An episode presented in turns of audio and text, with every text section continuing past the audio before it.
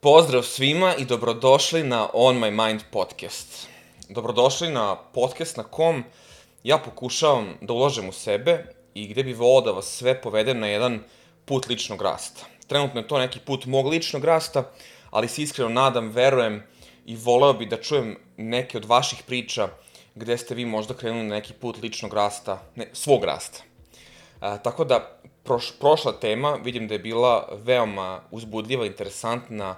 Drago mi je da čujem mnogi komentare, da ste mnogi od vas komentarisali, tako da je ovo definitivno nešto što me onako a, pot, postiče još više i ohrabruje da nastavim dalje da radim. A s druge strane, danas još jedna interesantna tema. Super gost, s nama je Tamara Milanović. A, kao i svaki video a, do sada, imaćete kratak um, video pre ovog, gde ćete moći malo bolje da upoznate Tamaru, a i sad će naravno pitati malo da se predstavi, čisto zbog konteksta, jer je tema veoma interesantna. A današnja tema je tema a, seksualnog identiteta, tako da, Taco, dobrodošla.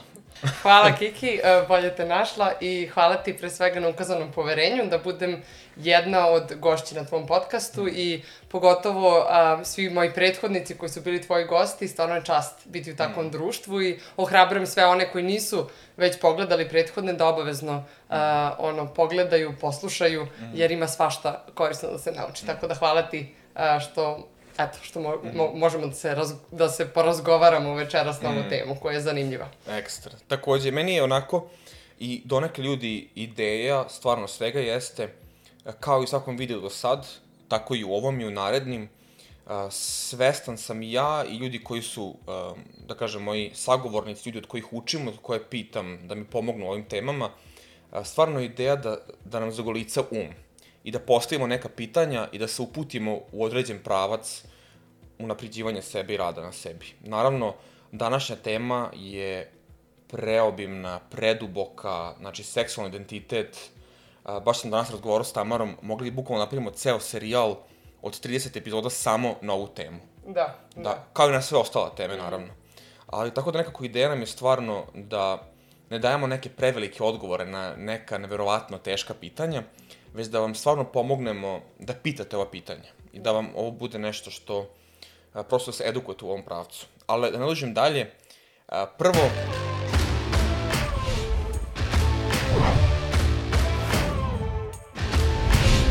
Pozdrav svima i dobrodošli na On My Mind podcast.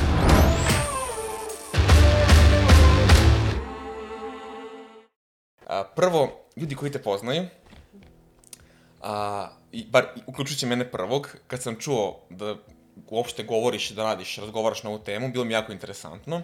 Jedan od e, razloga je to što si single. Da. a predaješ na fakultetu, da. ovako nešto. Ali ajde ne dužim previše, ovo je bio jedan teaser za sve vas. Tada su, molim te, predstavi se ukratko i zašto, otkud ova tema. Da. A, pozdrav svima i sa moje strane, moje ime je Tamara Milanović, imam 28 godina, dolazim iz Jagodine, a, ali evo već a, e, tri, skoro četiri godine živim u Nemačkoj i tamo sam u jednoj školi a, u kojoj predajem, u kojoj sam radim svašta pomalo, pre svega sam supervizor internata, ali takođe kao profesor predajem neke predmete iz a, grupe, da kažemo, predmeta psihologije, a, jer razlog tome jeste da sam završila master za porodično i bračno a, savetovanje i sa tim a, u vezi ovaj, predajem predmete koje su vezane za tu temu. Jedan od tih, tih predmeta jeste ljudska seksualnost i zato je to a, tema koja to jednostavno meni da kažem, je veoma interesantna, kao što si rekao, donekle je malo i tabu mm -hmm. i zato mi je zanimljivo da, da eto, baš ja sam se nekako za tu temu zainteresovala. To je neki splet različitih okolnosti koje me doveo do toga, ali kažem da je neki onako podsticaj pogotovo bio jer sam na masteru imala taj predmet i shvatila sam kolika je potreba u društvu da se o tome priča, među mojim prijateljima, sa ljudima sa kojima sam razgovarala, videla sam ogromnu potrebu i onda kad sam tu potrebu spojila sa, sa nekom željom u srcu da o tome pričam i sa znanjem koje sam dobila kroz master, jednostavno, eto, nastavila sam u tom pravcu i a, odaziv je bio dobar mm -hmm. i to me dodatno ohrabrilo. Tako da, eto, e, zato i ja na neki način upravo si, uh, kad, kad kažem ljudima da sam single, da nisam u braku, da nisam u vezi, ovaj, svi su pomalo skeptični, čak i studenti kojima sam predavala, ali uspela sam nekako da ih ubedim da, da ima na tu temu šta da se kaže, bez obzira na status, ve, status veze mm -hmm. i bez obzira na godine. Da. Tako da, eto, toliko, toliko o meni za početak. Super. Jel možeš sad da nam daš kratak uvod u ovu temu? Uh, bukvalno da nam predstaviš seksualnost iz nekog tvog ugla i da nam daš možda neku početnu tačku od koje ćemo da krenemo u naredna pitanja koja će biti interesantna. Da, a, definitivno. Ovaj, seksualnost je nešto što, o, što je sastavni deo našeg života, što je sastavni deo našeg bića, onoga ko mi jesmo i a, definitivno je jedna od tema, kao što sam i rekla već, da je onako tabu, da je dosta tu neke sramote oko te teme, a ne možemo niko od nas da, da porekne da je to prosto sastavni deo našeg ljudskog života i onoga što mi na dnevnom nivou se susrećemo sa tim, od toga da kad smo začeti ovaj, je to deo onoga što mi jesmo. Tako da, uh, po meni, seksualnost je jedan prelep ajde da kažem, dar ili prelepa, uh, prelepi aspekt našeg življenja, našeg života, nas kao ljudi i uh, po meni je to nešto što ima jako dubok smisao, simboliku, neku dub, dublju svrhu da nas poveže sa drugim uh, ljudskim bićem, da nas poveže sa nama samima, da shvatimo ko smo i uh, da nas poveže možda i sa Bogom. Uh, znam da to sad zvuči kao šta, ali, ali ako, ako se čak vratimo u, u neke izvorne, da kažem, biblijske tekstove, um, bez obzira na to šta verujete, uh, eto, ja volim da koristim tu, taj, taj stih koji se pominje u Bibliji, kad je Bog stvarao svet i on na kraju, kad je stvorio čoveka, on se okrenuo i rekao je, ovo je veoma dobro. Za mnoge stvari koje je stvorio, sva, na kraju svakog dana, nebo, ptice, on se okrenuo i rekao, ovo je dobro. Kad je stvorio čoveka, on je rekao, ovo je veoma dobro i uh, on je stvorio čoveka kao seksualno biće, to je jedan aspekt, i kad je rekao ovo je veoma dobro, to se odnosilo i na to. Mm -hmm. Tako da, eto, to je neka moja polazna tačka, kad gledam seksualnost u onom izvornom, originalnom dizajnu, uh, originalnom planu, jeste i ono, da kažem, kako, smo, kako, smo, kako se rađamo, jeste da je to nešto veoma dobro. Nažalost, kao što ćemo kasnije pričati, verovatno puno je tu stvari pošlo po zlu. Mm. I može da pođe po zlu, ali eto, uh, seksualnost veoma dobro. Da, možda jedna samo smernica za naše gledalce. Uh, neko bi volao da pričaš o tome za koga je ova tema i zašto misliš da je za te određene ljude, da. odnosno da. sve. da, a, mislim da je tema, a, bez obzira na to koliko imate godina i bez obzira na to koji je vaš status veze. Da li ste single, da li ste u braku, u vezi, razmišljate o vezi, hmm. depresivni ste što niste u vezi ili ste u dugogodišnjem braku, imate decu. A, mislim da je tema veoma relevantna za sve, zato što je to od trenutka kad se rodimo do trenutka kad ne, ne umremo, to je deo na, do, do trenutka kad umremo, to je deo nas. Mm.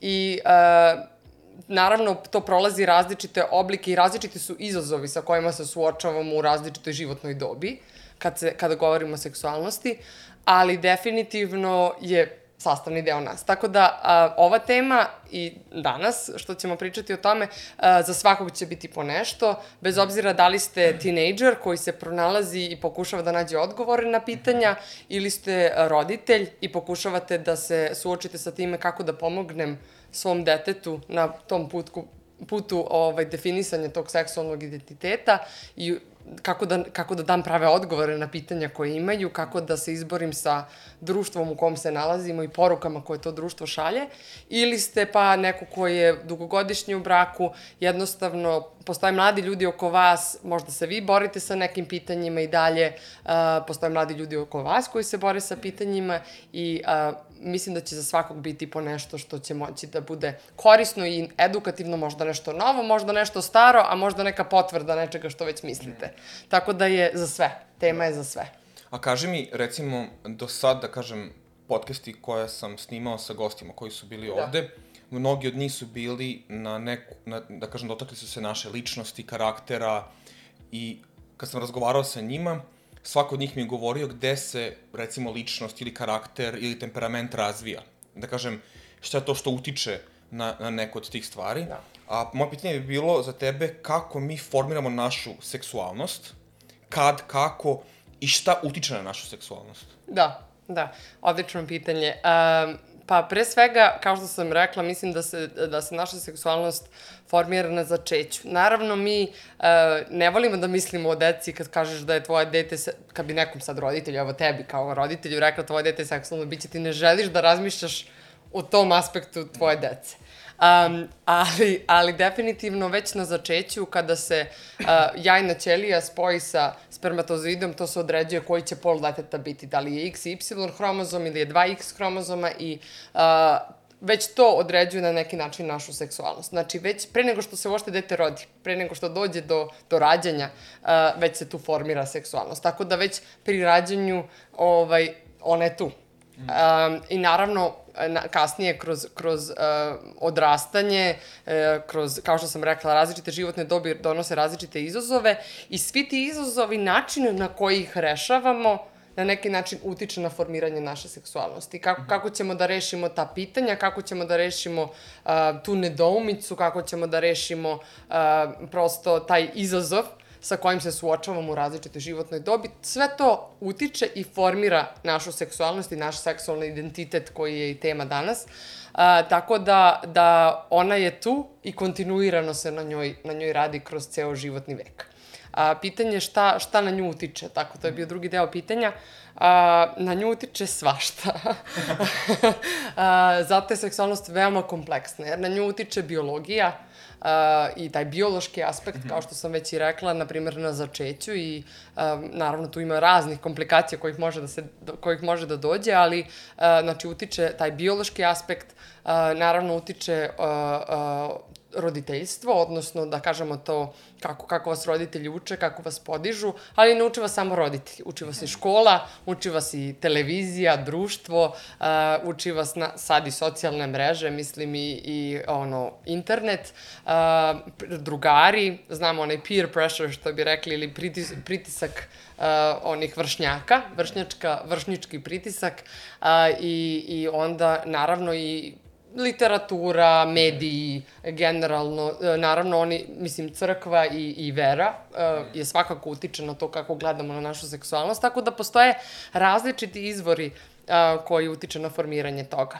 Kompleksno je, naravno, ima, ima i naravno i psihologija i ono, taj psihološki moment, mental, mentalna povezanost, duhovna povezanost, fizička, biološka, tako socijalni aspekt, tako da je kompleksna stvar i puno izvora. Da. I razmišljam baš zato što je tako puno izvora i ne samo vezano za seksualnost. Mislim, to je jedna samo od stvari o da. kojoj pričamo i koja ima mnogih stvari drugih. Prosto smo bombardovani sa svim i svačim.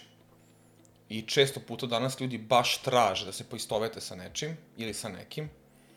I često puta to formira određenu grupu ljudi koja odjednom počinje da veruje u nešto. A, a, najgore mi je to kad vidim da je nešto u potpunosti da kažem, poteklo iz nekog ličnog iskustva, bez neke, bez savjetovanja sa nekim, nema veznica kakvom literaturom, ljudi počinju slepo da veruju nečem što je trend trenutno i razmišljam čeče koliko ljudi zapravo zglajza ono i ode da. neku totalno krajnost, ali baš zbog toga edukacija u svakom smislu svega živog što ono je bitna Pa pitanje bi bilo možda koje je idealno vreme za seksualnu, za seksualnu edukaciju?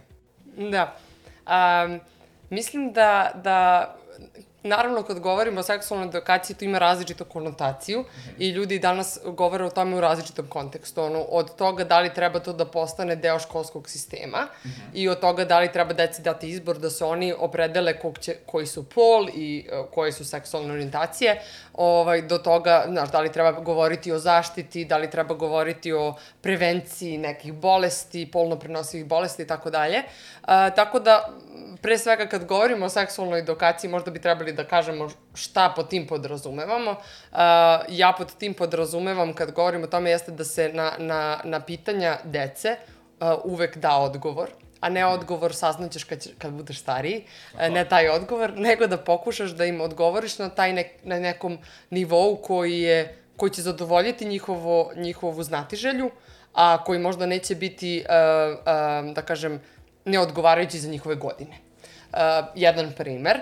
Um, jedan od studenta uh, u grupi kojoj sam predavala je došao sa pitanjem uh, moj mlađi sin, uh, žena mu je bila trudna i on je došao sa pitanjem gde će ta beba da izađe, ono, naš dete prosto razmišlja tehnički. Naravno, kao roditelj, njemu je sad to bilo, on ima tri godine ili četiri, kako ću ja sad njemu da objasnim sve i moram sve da mu kažem. Ne, ja sam onda rekla, ne, jednostavno uh, se, se skoncentriši na to, objasnimo da je jednostavno mamino telo tako stvoreno da postoji deo uh, koji je predviđen za to da beba kroz njega može da izađe. Sad, on će možda biti zadovoljan tim odgovorom, možda će da pitati a koji je to deo i onda mu slobodno reci na neki prilagodljiv način za njegov, odnosno adekvatan način za njegove godine. Mm. Tako da, uh, da je to taj ključ. Kad govorimo o edukaciji, mislim da treba za, uh, kao roditelji pre svega, a onda i, i da kažemo neko, neko društvo, zavisite na kojoj ste poziciji i šta radite u životu, ali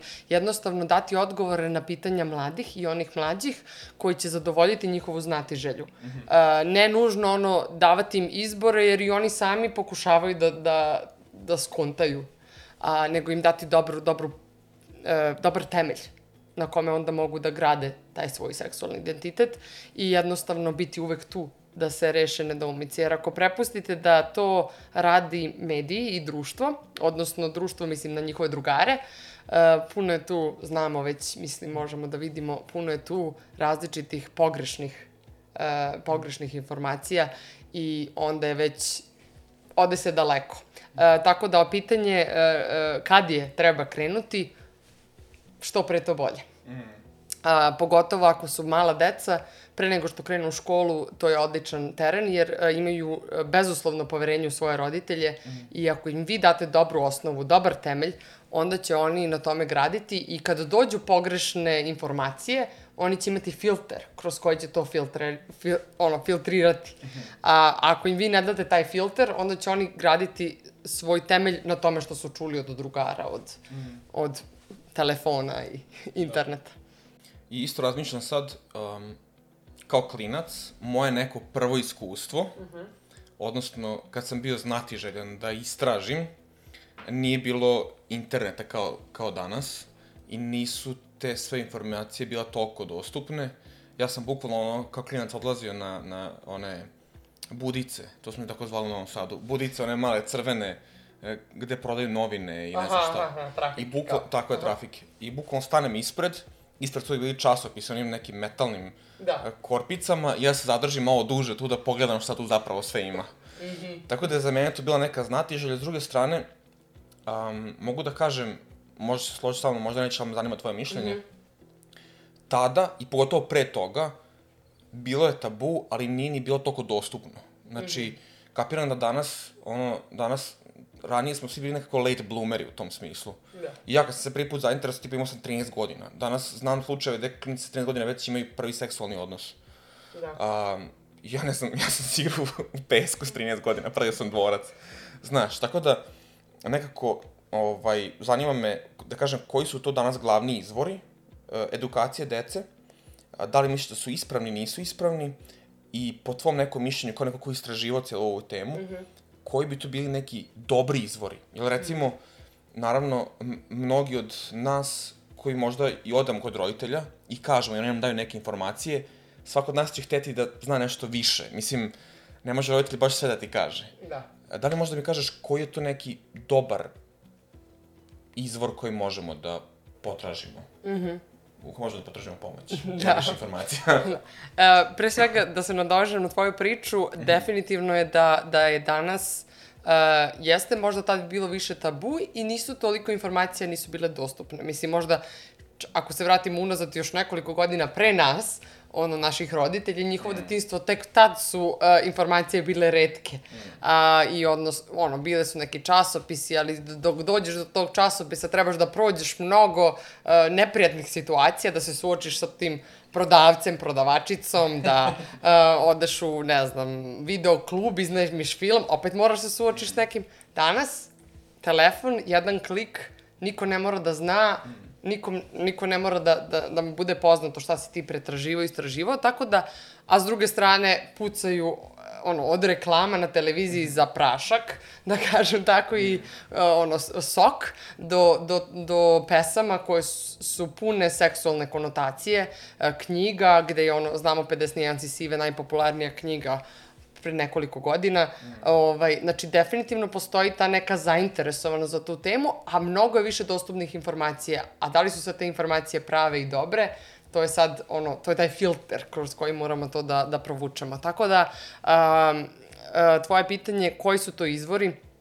A, mislim da zavisi od životne dobi i kad kažem roditelje, ne, ne, ne mislim sada da vi kao ono u 30. 40. godinama idete kod svojih roditelja od ono, 60 do 80 godina i pitate ih za savet, mm. možete, naravno, uh, nemam ništa protiv toga, ali više se to odnosi na, na decu, na ono rano detinjstvo, mm. da kažem to neko adolescencija, uh, tinejdžersko doba i onda, uh, onda se ako izgradite taj odnos sa svojim decom ili sa svojim roditeljima, onda to se, nastavlja se ta konverzacija, ali naravno ima sad tu i nekih drugih izvora.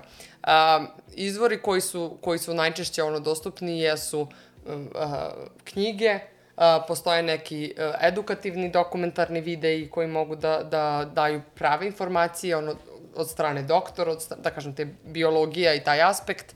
Uh, ima dobrih, dobrih knjiga koji su uh, uh, pisali stručnjaci, mm -hmm. oni koji se time bave, oni koji imaju dugogodišnje iskustvo, ne lično, nego u radu sa različitim ljudima. Uh, tako da ja bih preporučila, eto, da kažem, takve neke izvore, ne, ne knjige kao što sam rekla, 50 nijansi sive i ta, i ta neka erotska literatura koja je danas ono cveta, mm. jer to je puno, um, kao što si danas smo pričali nešto i o serijama, to je puno tog umetničkog efekta da to sve se, da se to prodaje. Njihov cilj je da prodaja, da ne edukacija, tako, tako je. I možda ima neku priču, neku žvaku, ne prodaje ipak nešto svoje, iako da. mnogi od njih nude zapravo dobre informacije, samo su previše maskirane ono pričom i nekim ono romantiziranje, romantiziranjem da, da, da. uništi potpunosti poentu svega. Tako je, tako da, da, da, da kažem, eto, literatura koja je prava od pravih autora, koji su, uh, koji imaju iskustvo i koji su uh, kredibil, imaju kredibilitet da pričaju o tome, a, a onda naravno i uh, ono, ljudi kojima verujete, uh, da kažem, da li su to neki vaši mentori, profesori, učitelji, neke vođe u koje imate poverenje, sa kojima imate dobar izgrađen odnos i uh, verujete njihovom mišljenju, uh, jednostavno da imate otvorenu komunikaciju sa ljudima oko vas uh, koji su vam bliski. Dovoljno bliski, i opet dovoljno otvoreni da vam kažu a, to, tako da kažem, eto, eto prijatelji, a, naravno videi, edukativni videi a, i, i eto, to bi bili neki osnovni izvori. Um, sad zavisi naravno od, od ljudi i preferencija, što bi rekli, da. ali, ali eto, rekla bih da, da ono, um, lideri, prijatelji, uh, vođe u koje imate poverenja uh, i na kraju, ovaj, naravno, i taj mediji, da kažem, ali pravi mediji. Da. I naravno, znam da ovo nije možda dovoljno odgovor za sve vas, tako da ću ja konkretno zamoliti Tamaru i ona će mi dati neke od dobra literatura, knjiga koju da. ću staviti u komentar, odnosno ne u komentar, nego u opis, opis. videa. Mm -hmm. Tako da ćete moći da pronađete sve to. Naravno, nisam očekivao da znaš sve na pamet, ali čisto sam te da se dotaknemo ove teme, mislim da. da je bitno da pričamo o tome. Jeste, ima puno literature, uh, više sam nego ono, voljna da, da podelim da. to. Uh, ima dosta te literature je na engleskom, mm -hmm. to još nije, da kažem, dovoljno zaživelo kod nas, mm -hmm. ali ima i knjiga na srpskom koje mogu biti od pomoći. Da. E sad, zanima me nešto, i ovo je isto nešto onako što je zanimljivo, mm -hmm. nešto si podelila sa mnom vezano za jedno od tvojih prvih predavanja na fakultetu vezano mm -hmm. na ovu temu, kao neko ko je single, nema dovoljno iskustva, uh, naspram nekog ko ima puno iskustva, ko je u braku, ko je bio tu na tim predavanjima kad si ti, kad mm -hmm. si ti mhm. bila tu, onako, bojkot uh, Skepticizam, da. Tako, da. potpuno skepticizam. Uh, interesuje me iskustvo naspram znanja. Da li postoji uh, ono to naspram ili versus, što bi se reklo, mm -hmm. uh, ili zapravo treba Protiv. budu komplementarni mm -hmm. jednom drugom. Da. Uh, šta, je, šta, šta ima prevagu pred... Da li je to ima, ima neko takmičenje ili su komplementarni? Uh, definitivno mislim i zanimljivo je to jeste e, puno puta ljudi kada kada čuju da sam da nisam u vezi da nisam u braku uh, deluju onako skeptično uh, kao kako možeš o tome da pričaš ali uh, mislim da ima tu da su u stvari znanje i iskustvo veoma komplementarni i a, evo da počnemo sa iskustvom. Iskustvo definitivno znači da neko znanje stavite u praksu mm -hmm. i da nešto što ste možda saznali, naučili, sad imate i praktično iskustvo. I mislim da to nema cenu, naravno, i to je, e, da kažem, e, nema cenu kada vi, na primjer, iskusite neku bolest ili iskusite nešto pa znate kako je da se kroz to prođe. Uh -huh. Možete dati dobre savete, dobre ideje nekom, ko kroz to nije prošao ili koji sad prolazi kroz to, na primjer, da kažem, ako ste se razboleli od nečega, pa ali sa druge strane moram da kažem da iskustvo čini da dosta budemo subjektivni i da stvari koje smo iskusili, da sve gledamo kroz tu neku um, prizmu ili kroz te neke naočare, ajde tako da kažem. Znači, da, da, da baziramo naše savete, da baziramo naše ideje na tom iskustvu. A, tako da nas nekad čini malo subjektivnim. Mm -hmm. A, i, i, Pogotovo ovaj... što to iskustvo koje mi imamo može da dođe od ko zna kuda. Tako je, da. tako je. A sa druge strane, znanje a, se stiče, je dosta objektivnije, zato što se ono stiče kroz, recimo, edukaciju, znači, a, učenje, čitanje, istraživanje, a, dosta tog istraživanja je bazirano na nekim statističkim podacima koji uključuju mnogo iskustava, ne samo jedno, a, i onda se, se ime neka veća, neka šira slika. Tako da mislim da znanje nas u, nekim, u ovom konkretnom kontekstu nas čini objektivniji i uvek možete nešto novo da saznate kada vam neko bazirano na znanju deli nešto, što može da se poklapa sa vašim iskustvom, ne mora, može da vam promeni vaše iskustvo i da, i da kažem, da, da utiče na bolje. A, može da se poklopi, može da bude nešto drugačije, tako da mislim da, da znanje i iskustvo idu super ruku pod ruku, a, ali mislim da jedno ili drugo nema prevagu i nema, da kažem, da sad zbog ovoga ste vi bolji imate, i ste više kompetentni da o nečemu pričate. Jednostavno mislim da je da, da i znanje i iskustvo daju taj, uh, daju taj vetar u leđa. Uh, a, i mislim da nisu ono, da nisu jedan naspram drugog, nego su, mogu zajedno da kažem da, da, da pomognu. U mom slučaju a, jednostavno imala sam iskustava da su neke, neke od studenta koji su bili stariji, godinama i koji su imali više iskustva, bili u braku više godina, su uh, uvek na kraju predavanja rekli uh, tvoja objektivnost uh, čini da, da ovaj, sve ono što nam ti kažeš da to u stvari i ima neki efekt i, i puno njih je na kraju reklo mnogo smo naučili, nismo ni znali uh, šta sve to obuhvata, kao što smo rekli, seksualnost je široka tema. Tako da, uh, eto, mislim da i jedno i drugo su bitni, ali uh, da, eto, mislim da je to, da, da, da znanje može da pomogne toj uh, objektivnosti. Taco, a, idemo malo dublje o temu. Može. A, kada sam istraživao ovu temu i malo googlao ove, o seksualnom identitetu, pročitao sam jednu rečenicu, pa me mm -hmm. zanima tvoje mišljenje, šta ti misliš o ovoj rečenici. Mm -hmm. I naravno imam posle pitanje, naravno, na to. A, seksualni identitet je šta osoba misli o sebi u kontekstu romantične privlačnosti ili seksualne privlačnosti. Mm -hmm. Šta ti misliš o tome? Mislim da, da je ta definicija zagrebala neku površinu, mm -hmm. ali mislim da obuhvata e, stvari koje su različite, odnosno da obuhvata dva pojma. Dobro. da obuhvata pojam seksualnog identiteta, ali da takođe obuhvata deo koji se tiče seksualne orijentacije. Mm -hmm. I znam da se u našem jeziku, na engleskom jeziku, generalno u našem društvu, ova dva pojma brkaju i koriste se kao da to je ista stvar.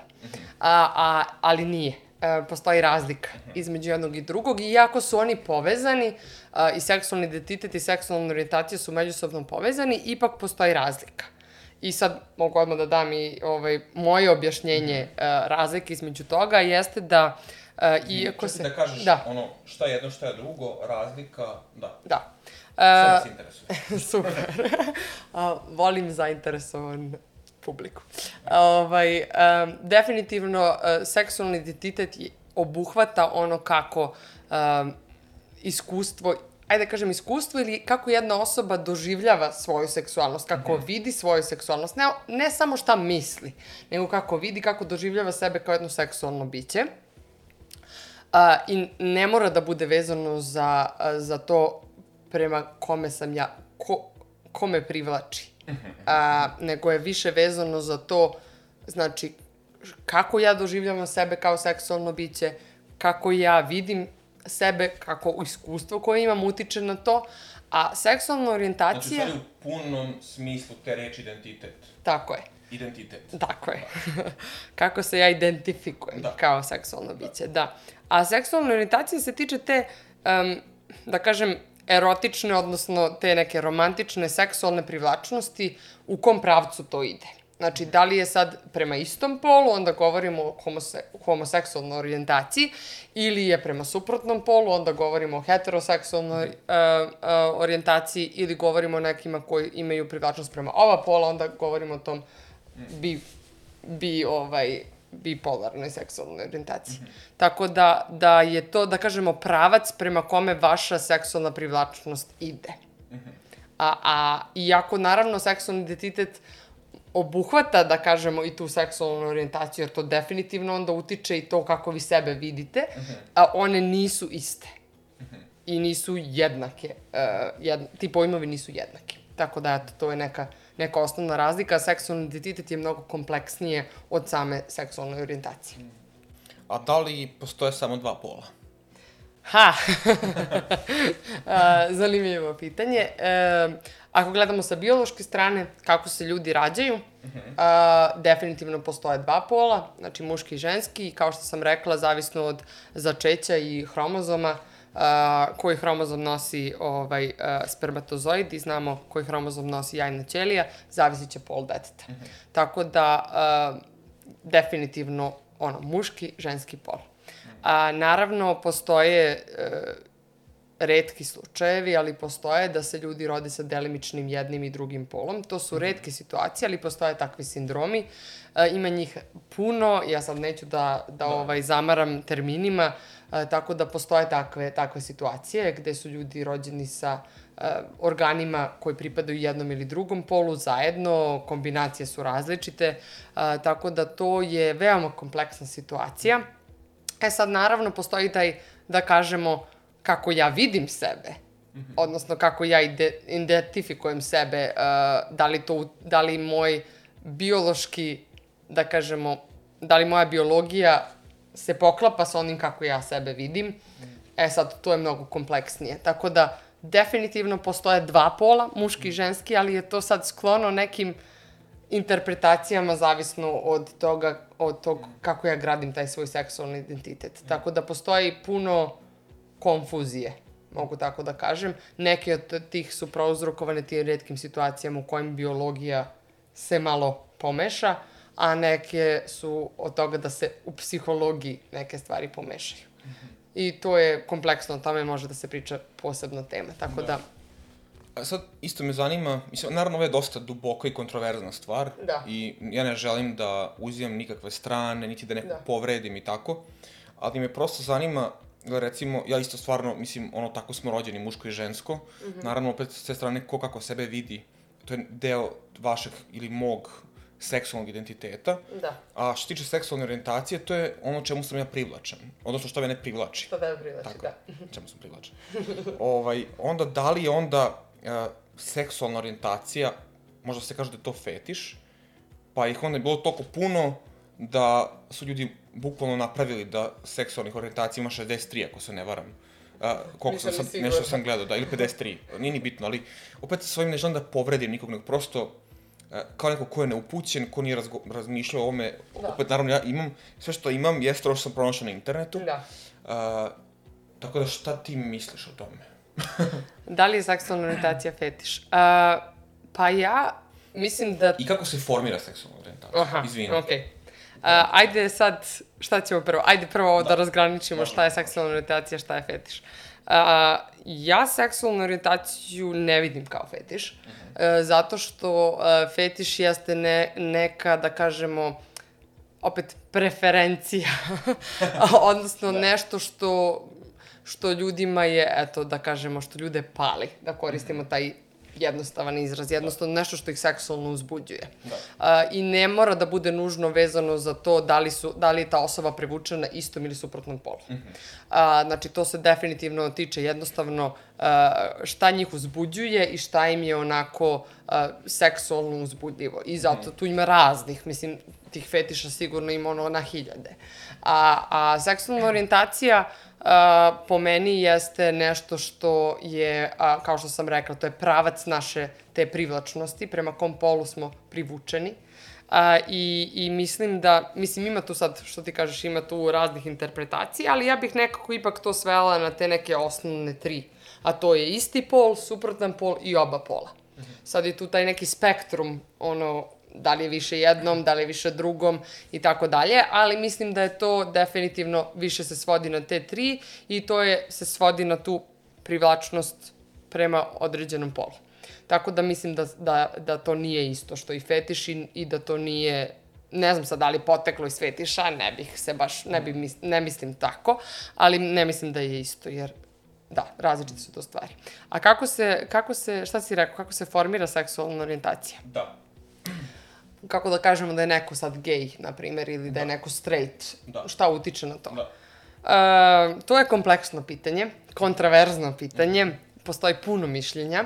Uh, nažalost, ne postoji studija koja može da ti kaže, e, 100% se ovako formira. Mm -hmm. Tako da ću ja onako zauzeti neki uh, objektivan stav i reći koje su osnovne neke, šta su istraživanja pokazala i šta su iskustva pojedinaca sa kojima sam ja pričala ili sa kojima sam indirektno ovaj, komunicirala, šta su ta iskustva. Uh, jednostavno, evo, prvo pitanje možemo da pitamo da li je uticaj biologije ili uticaj društva, odnosno neki socijalni moment, socijalni pritisak, pritisak društva. Uh -huh. uh, definitivno istraživanja pokazuju da, da postoji da u nekim situacijama postoji biološki moment, da postoje hormoni i uticaj hormona a, može da, da kažemo da, da ima neka povezanost sa nivom hormona i seksualnom orijentacijom. Nije uvek slučaj, znači nije samo to, a, nećemo sve da krivimo na to, ali postoji taj postoje istraživanja koje to potvrđuju. Postoje, kako se to meri? Pa najčešće zato što, na primjer, uzmu su se jednojajčani ili ist, ono, što kažemo, identični blizanci, jer je njihov genetski kod najsličniji, oni su se formirali u istoj jajnoj ćeliji i, ovaj, i, onda se, i onda se gleda koliko je poklapanje. Um, tako da su oni, oni radili istraživanje gde su upoređivali identične blizance i one koji nisu jednojajčani blizanci, da vide da li će, ako je jedan, na primjer, od tih blizanaca gej ili hom homoseksualac, da li će i drugi mm -hmm. biti. I velika je, mnogo je veći procenat kod onih koji su identični blizanci nego kod onih koji nisu identični blizanci. Mm -hmm. Duplo je skoro uh, razlika u procentima. Tako da, takav podatak nam daje uh, postavlja znak pitanja nad pitanjem ovaj, biologije. Mm -hmm. Da li biologija ima efekat? Ja bih definitivno rekla da postoji. Postoje da. i situacije u kojima se žene u trudnoći, da kažem, im se ubrizgavaju različiti hormoni da bi se održala ta trudnoća i ti hormoni naravno da utiču na, na da kažem, na to da neko bude, da, na, da neko bude možda više, što bi mi rekli, muško-banjast ili više ženskast ili da, isfeminiziran, tako da, ali to opet ne određuje nužno seksualnu orijentaciju. Mm -hmm. Tako da, postoji taj, da kažem, biološki moment, onda naravno postoji uh, i moment uh, iskustva. Uh, postoje situacije u kojima, iako ne možemo da kažemo uzročno-posledična veza, ali postoji da ljudi koji su se rodili ovaj, i da kažemo u nekom ranom detinstvu imali neko negativno iskustvo, seksualno su bili zlostavljani od istog ili suprotnog pola, da to nekad može da utiče na, na da kažem, seksualnu orijentaciju.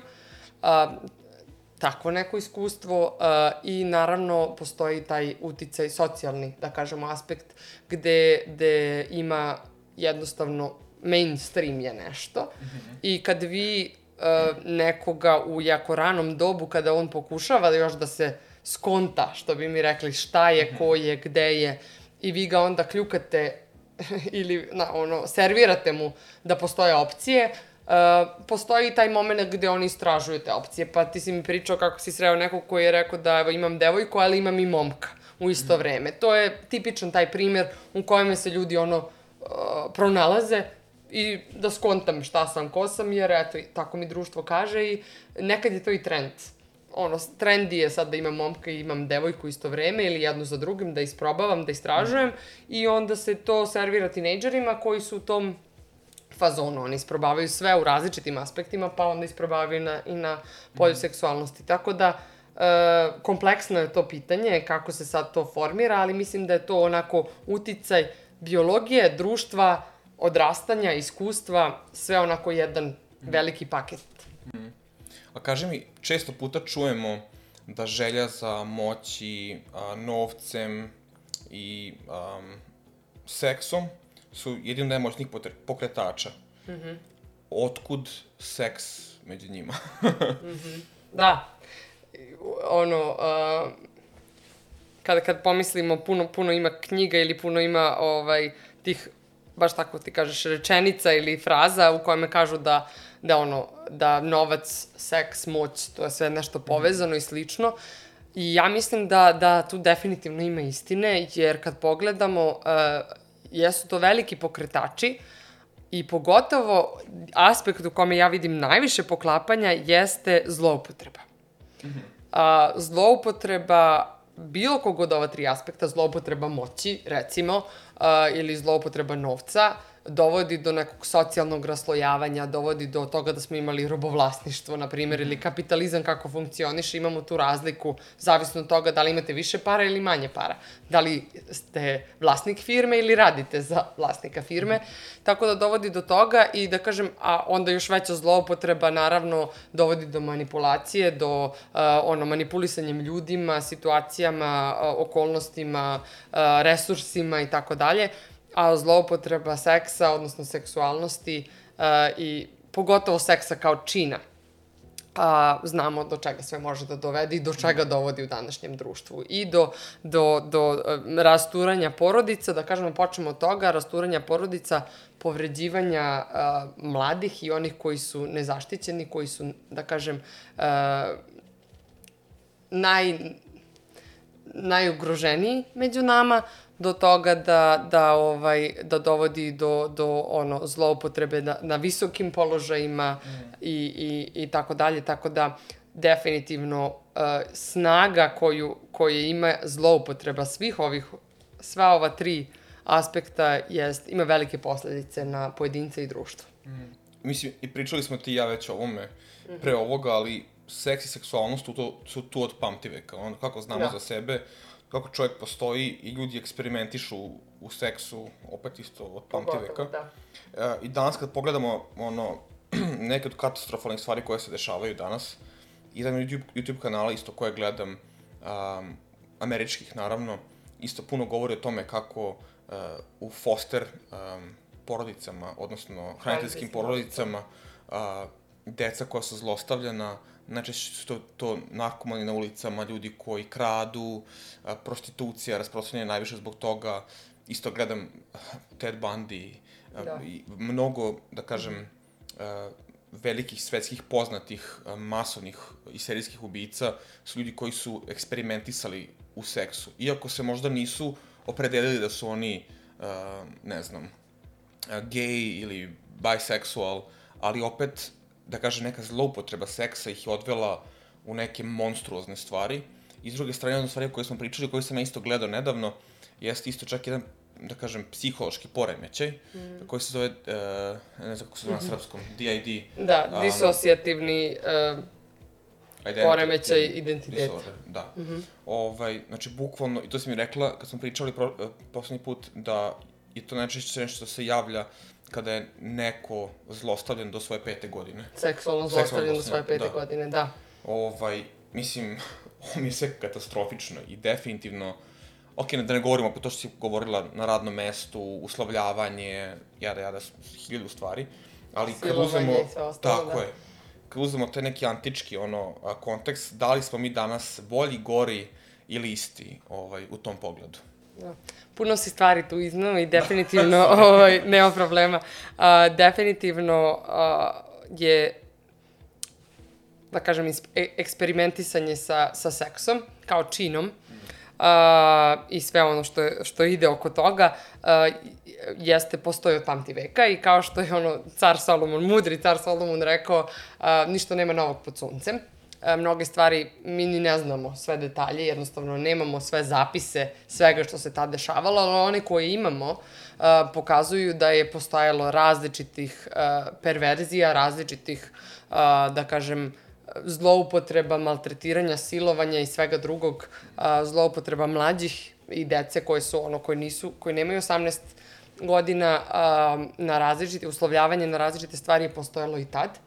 A, naravno, postoji danas i već si navio mnoge od tih a, i, da, i da mnogo, mislim, pornografija, silovanje, ono, a, cyber sex, uh, on, mm. imamo i, i ovaj, uh, taj, taj bullying koji je isto zasnovan na, na, na, ono, na nekim, na toj seksualnoj osnovi. Mislim, puno je, puno je zloupotrebe, uh, i to da, što kažeš da mnoge serijske ubice, mnogi narkomani, uh, da se to mm. nekako uvek uplete jedno u drugo. Uh, I sad, da li smo bolji ili gori?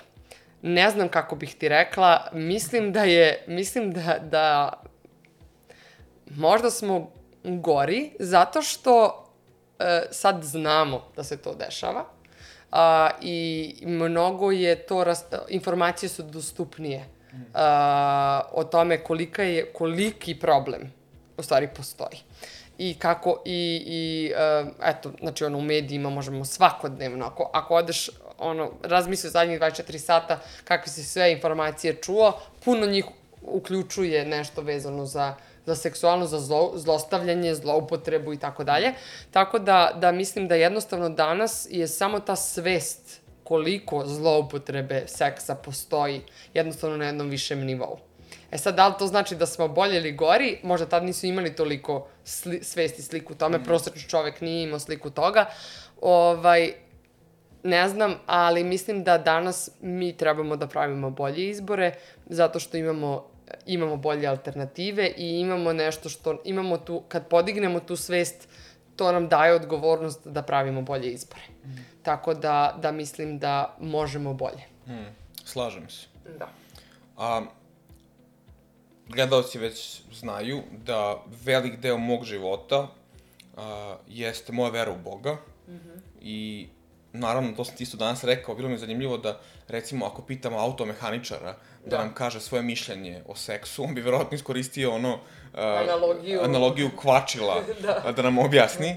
Uh, I naravno, ako je ovo sastavni deo mog života, moja vera u Boga, naravno da mnoge stvari, mnogi primeri uh, i mnoga razmišljanja će dolaziti odatle. Da. Tako da, jedna stvar koju sam pročitao u, u, u Svetom pismu se nalazi u prvoj Korinćanima, koja kaže a, bežite od seksualnog nemorala, mm -hmm. a, svaki drugi greh koji čovek čini van tela je, dok onaj koji čini seksualni greh greši protiv svog tela. Mm -hmm. Jako interesantan stih. Mm -hmm. Šta ti misliš o njemu? Kako lepo pitanje. oh, um, pre svega hoću da kažem da, da uh, definitivno uh, vera, kao što si rekao i, i to uh, kako mi shvatamo Boga i kako shvatamo ko smo mi, odakle smo, uh, da li smo stvoreni od Boga i od tog višeg bića, definitivno utiče na, na to kako pojmimo našu seksualnost. Mm. Zato što ako verujemo, recimo, da, smo, da nas je Bog stvorio, mm -hmm. uh, onda ćemo verovati da je seksualnost stvorena od njega. Mm -hmm. Jel tako?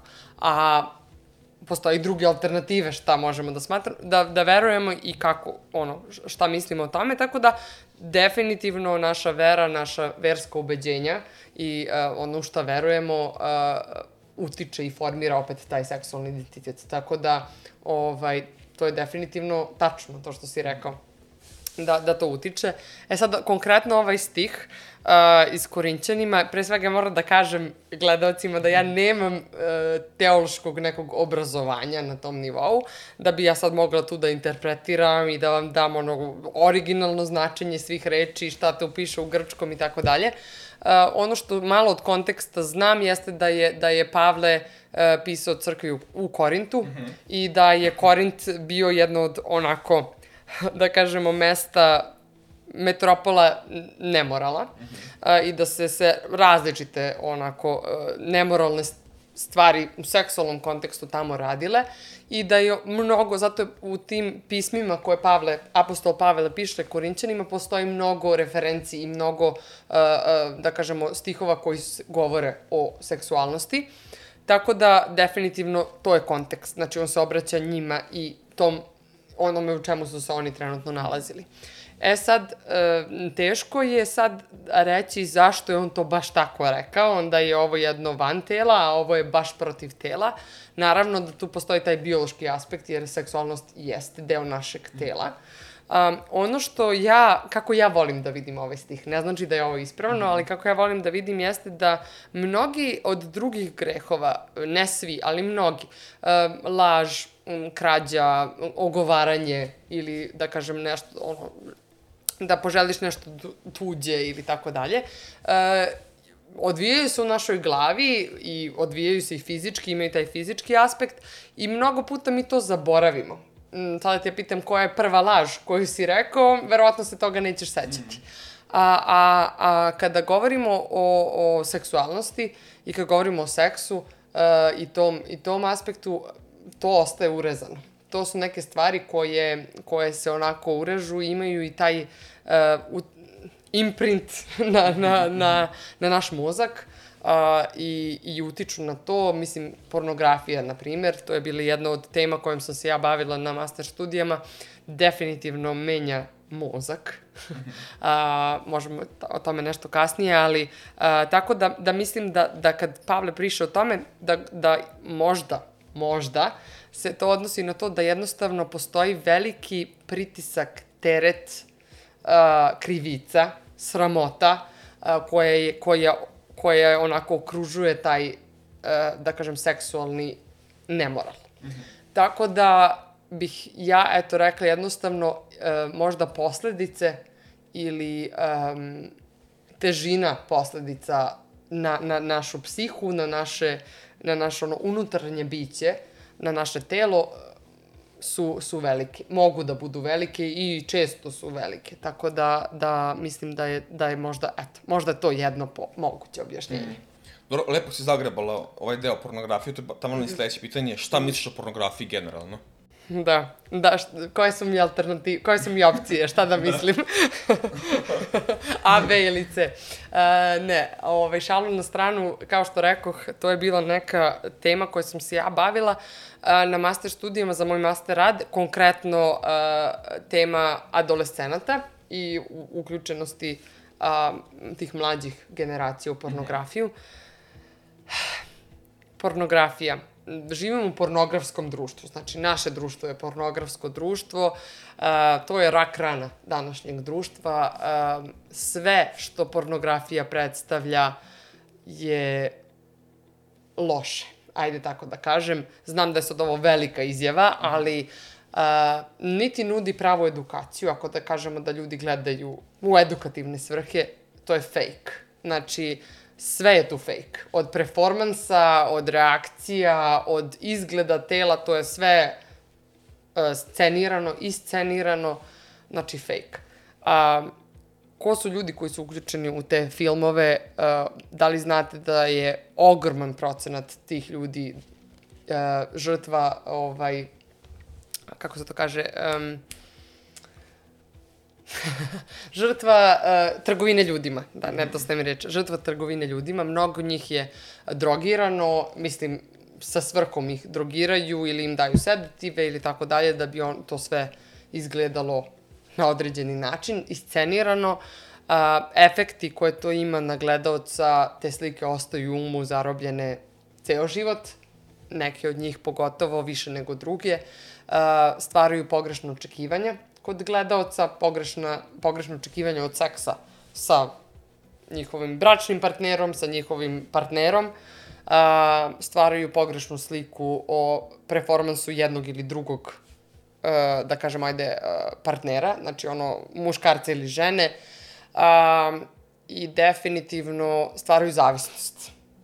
A, na, stvaraju zavisnost u mozgu, u našoj psihi, tako da sve što okružuje pornografiju je velik problem. A, nažalost, danas je to toliko rasprostranjeno, a, toliko je anonimno, a, anonimno može da se pristupi, nema te sramote, ono, samo jednom klikneš, ne mora da ideš nigde, niti da se susretneš ni sa kim. Jednostavno, jedan klik, a, mogućnosti i ponuda je ogromna, milioni i milioni. Rekla sam ti da samo na jednom sajtu u prošloj godini su proizvali toliko sati uh, novog video pornografskog materijala, da da smo počeli da gledamo u nekom 18. 19. veku, još uvek bi to gledali ono non stop, znači do dan danas. To je toliko sati to predstavlja. Tako da je, da kažemo, zastupljenost ogromna, anonimnost je ogromna, a posledica prekršt. Uh, I danas, eto, na primjer, moja profesorka, jedan od mojih profesora koji se, koje, koje se bavi baš, uh, da kažemo, prevencijom kod dece, vezano za i to prevencijom od seksualnog zlostavljanja i tako dalje, je rekla da je najmlađi član koga je imala, koji je, ovaj, koji je dolazio na terapiju, koji je bio zavistan od pornografije, imao 8 godina i to nam pokazuje u, ka, u, kakvom, se dru, u kakvom društvu živimo, znači pornografsko društvo definitivno, uh, sati i sati streaminga. Na jednom web sajtu rekla sam ti da je bilo 8 milijardi sati streaminga u jednoj godini, na samo jednom web sajtu mm. pornografskom. 8 milijardi je 8 i 9 nula. Um, to kad se prevede, to je više, to je oko 20.000 prosečnih ljudskih života, ono, prosečnog ljudskog životnog veka -hmm. a, streamovano u jednoj godini, na jednom sajtu. Tako da, alarmantna situacija. Mm. A, kaži mi onda, da li je, da kažem, kad uzmemo sve ove činjenice o kojima smo pričali, um, da li je seks rezervisan samo isključivo uh, za brak? Voliš da mi bacaš još zanimljiva da, pitanja. Da, još jedno od onih. još jedno od onih. Nema problema. Naravno da, da sam otvorena da pričamo o svemu i baš i to, ovaj, eto, hoću da pošljem tu poruku da ne postoje pitanja koje su pogrešna ili koje su previše da je sramota odgovoriti na njih. Um, što se tiče ovaj, uh, seksa i, da kažem, tog, da li je seks rezervisan samo za brak? Um, to je kompleksno pitanje Zato što živimo u društvu u kome se seks upražnjava bez obzira na to da li ste u braku ili ne, gde se ljudi koji odluče da, da ne žele da spavaju pre braka i smejavaju i ono, da kažem, Da, stavljaju se na, neku, na, neki stup, na neki stup srama, mm -hmm. a gde se opet ljudi koji imaju mnogo seksualnih partnera opet stavljaju na stup srama. E, tako da, definitivno u našem društvu je zastupljeno e, različita mišljenja i postoji taj, da kažemo, opet verski moment može mnogome da, da utiče na to kako kako vidimo seks pre braka, ono, da li smo za ili protiv. Um, ono što ja mislim jeste da, da uh, je u idealnom i originalnom planu to nešto što treba da bude rezervisano između dve osobe koje e, se duboko poznaju, koje duboko veruju jedno drugom, koje su izgradile tu intimnost mm. u smislu poznavanja onog drugog do takvog nivoa do koga onda imate poverenje da pred nekim se potpuno predate i u, i u tom fizičkom smislu. To je nešto što je, uh, da kažem, zahteva puno poverenja, zahteva uh, da, da, da biste ono, u potpunosti mogli da, da verujete nekom i da biste u potpunosti bez zadrške mogli sebe nekom da predate, tu postoji puno uh, delova slagalice koji treba da se slože. I mislim da u, idealnom, uh, u idealnim okolnostima to jeste nešto što bi bilo odlično da dve, dvoje ljudi rade na svim tim aspektima, pa i na tom a, i da definitivno brak kao institucija i kao onaj zavet koji vi dajete onoj drugoj osobi da ćete sa njom ostati bez obzira na sve, daje tu sigurnost -hmm. da, je, da, da onda ja tebi mogu da verujem kao svom a, mužu ili kao svojoj ženi, da onda ja mogu da, da se tebi u potpunosti predam, da ti nećeš otići, da šta ako se desi trudnoća, da, mm. da kome će to dete pripasti, koja će prezime nositi, da li će ga otac priznati ili ne. Znači, puno je tu stvari kako ćemo se nositi sa ovim ili sa onim koje, koje onako brak daje tu neku sigurnu luku. Bi trebao da da, da. sigurnu da, luku u kojem je dosta... relativna stvar.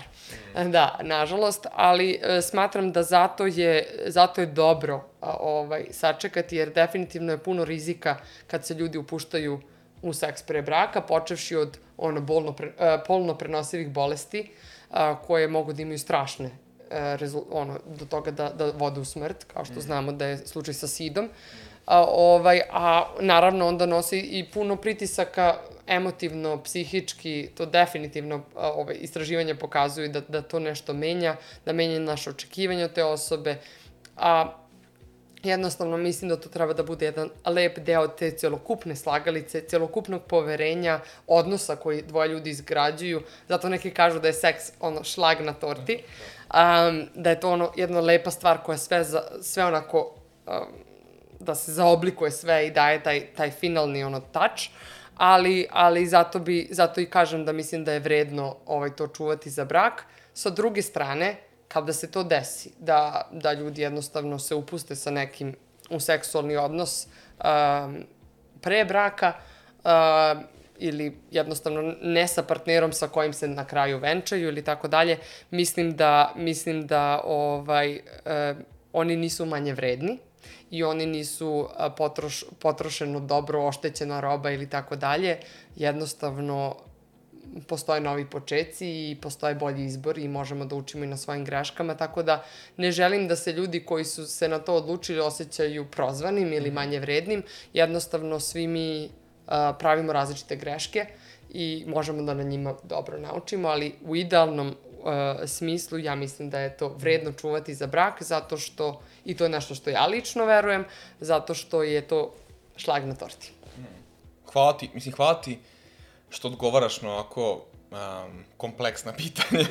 znam, da nije, znam da nije lako i mislim, da opet, opet želim da ponovim stvarno, nije nam uopšte cilj da prozovemo nekog, da kažemo, ne. mislim, ono, dok, na kraju dana stvarno svako ima pravo na svoje mišljenje. Tako je. A, ali s druge strane isto razmišljam, a, mislim da je i brak kao, kao sam stvarno stvoren da nas zaštiti Mm. Na, naravno idejno nekoj uh, slici, prilici, da. da nas zaštiti od mnogih stvari koje se danas dešavaju. Tako je. I, Sigurno luk. Da, i evo, mm. nedavno, baš gledam um, Will Smith i njegova supruga isto su imali težak period u svom braku. Isto mm -hmm. što jedan podcast na kom su baš razgovarali o tome gde su oni sad dosta onako slobodni u braku, mm što opet imam svoje mišljenje o tome. Da.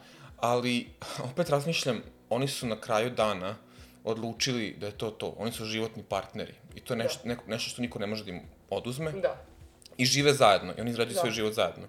I s druge strane, ja verujem da ono, u braku mogu da se dese greške, Tako je. ali da je stvarno jedna sigurna luka u kojoj ta osoba, ako je stvarno to to, neće te ostaviti, oprostići opet ne, naravno, opet ne ohrabrujem. Naravno. Znaš, ali zato kažem, dosta je komplikovana i kompleksna stvar na koju ne mogu da se daje odgovor. I ja sad dok ti sama pričaš, ja imam hiljadu pitanja ali opet, da, nije poenta da odlazimo u to. Tako je, ali, nemamo ni vremena, ni, ni, ni ovaj, kao što si rekao, možemo svaku temu ući još detaljnije. Da. Ali jeste, da, shvatamo kompleksnost, u stvari. Ako tako ništa je. drugo, shvatit ćete kompleksnost tako teme. Tako je, tako. I to je, zapravo i jeste ideja. Mislim, da. okay, ljudi kapiraju koji gledaju. Ali, a, da kažem, kao što postoji um, briga o svom duhovnom, mentalnom, fizičkom, duševnom zdravlju, mm -hmm. a, da li postoji neka briga o našem seksualnom zdravlju. Mm -hmm. e, I šta to implicira, mislim, da. na kraju dana. Mm -hmm. A, pa definitivno mislim da, da, da možemo dobro da vodimo račun na svojoj seksualnosti, da možemo da je, da je ovaj, da, da je dobro negujemo.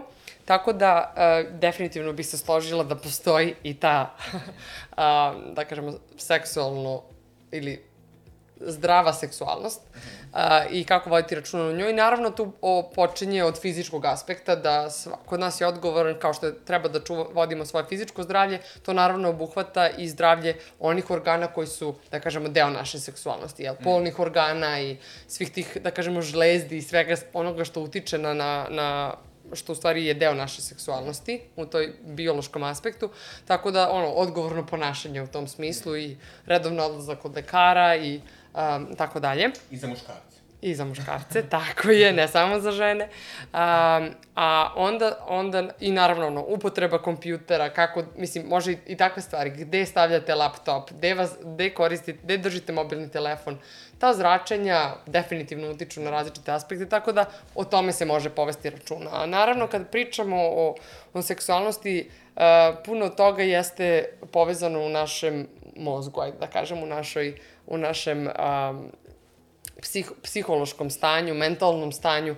Tako da, da bih ja rekla i eto, ohrabrila sve da, da ne izbegavate tu temu, da, da pričate o toj temi, da ako imate pitanja, ako imate uh, nekih izazova, problema, borite se sa nečim, nemojte se boriti sami, uh, tražite pouzdane uh, saborce, u tome, nekom kome verujete, neko ko će vas držati odgovornim, ko nije samo ono da vas tapše po ramenu, a, tako da ko će vas možda izazvati na neka drugačija mišljenja ili na neke nove, ovaj, a, da kažemo, um, ne, nešto kako biste možda mogli da se borite protiv nečega. A, tako da, na nove načine, kako da se borite protiv nečega, tako da definitivno a, otvorit, budite otvoreni po toj temi. To je jedan od načina. I naravno, ako, ako želite da, da živite nekim, da kažem, da, da čuvate svoju seksualnost, da je negujete, da je pazite, uh, morate da, da znate šta su vaši okidači. Upoznajte sebe, -hmm. kao što, što ono i tvoj podcast jeste poznavanje sebe.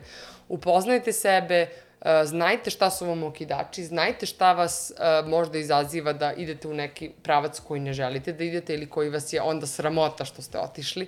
Znajte i nemojte da se upuštate u takve situacije, nemojte da dozvolite da dođete u situaciju gde će vas taj okidač okinuti. Mm.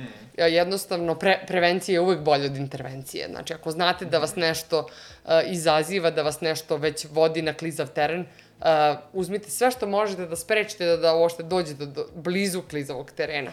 Tako da uh, ne možete da, kao ono što je onaj, mislim da je neko u, od prethodnih gostiju i pomenuo, uh, tu um, Martin Luther uh, King je, Martin Luther, ne Martin Luther King, je rekao da, da ne možemo da kontrolišemo da li ptice proleću na našom glavom, ali možemo da kontrolišemo da li će napraviti gnezdo. Tako da borba je u umu i koliko ćete daleko otići u svojim mislima zavisi od vas.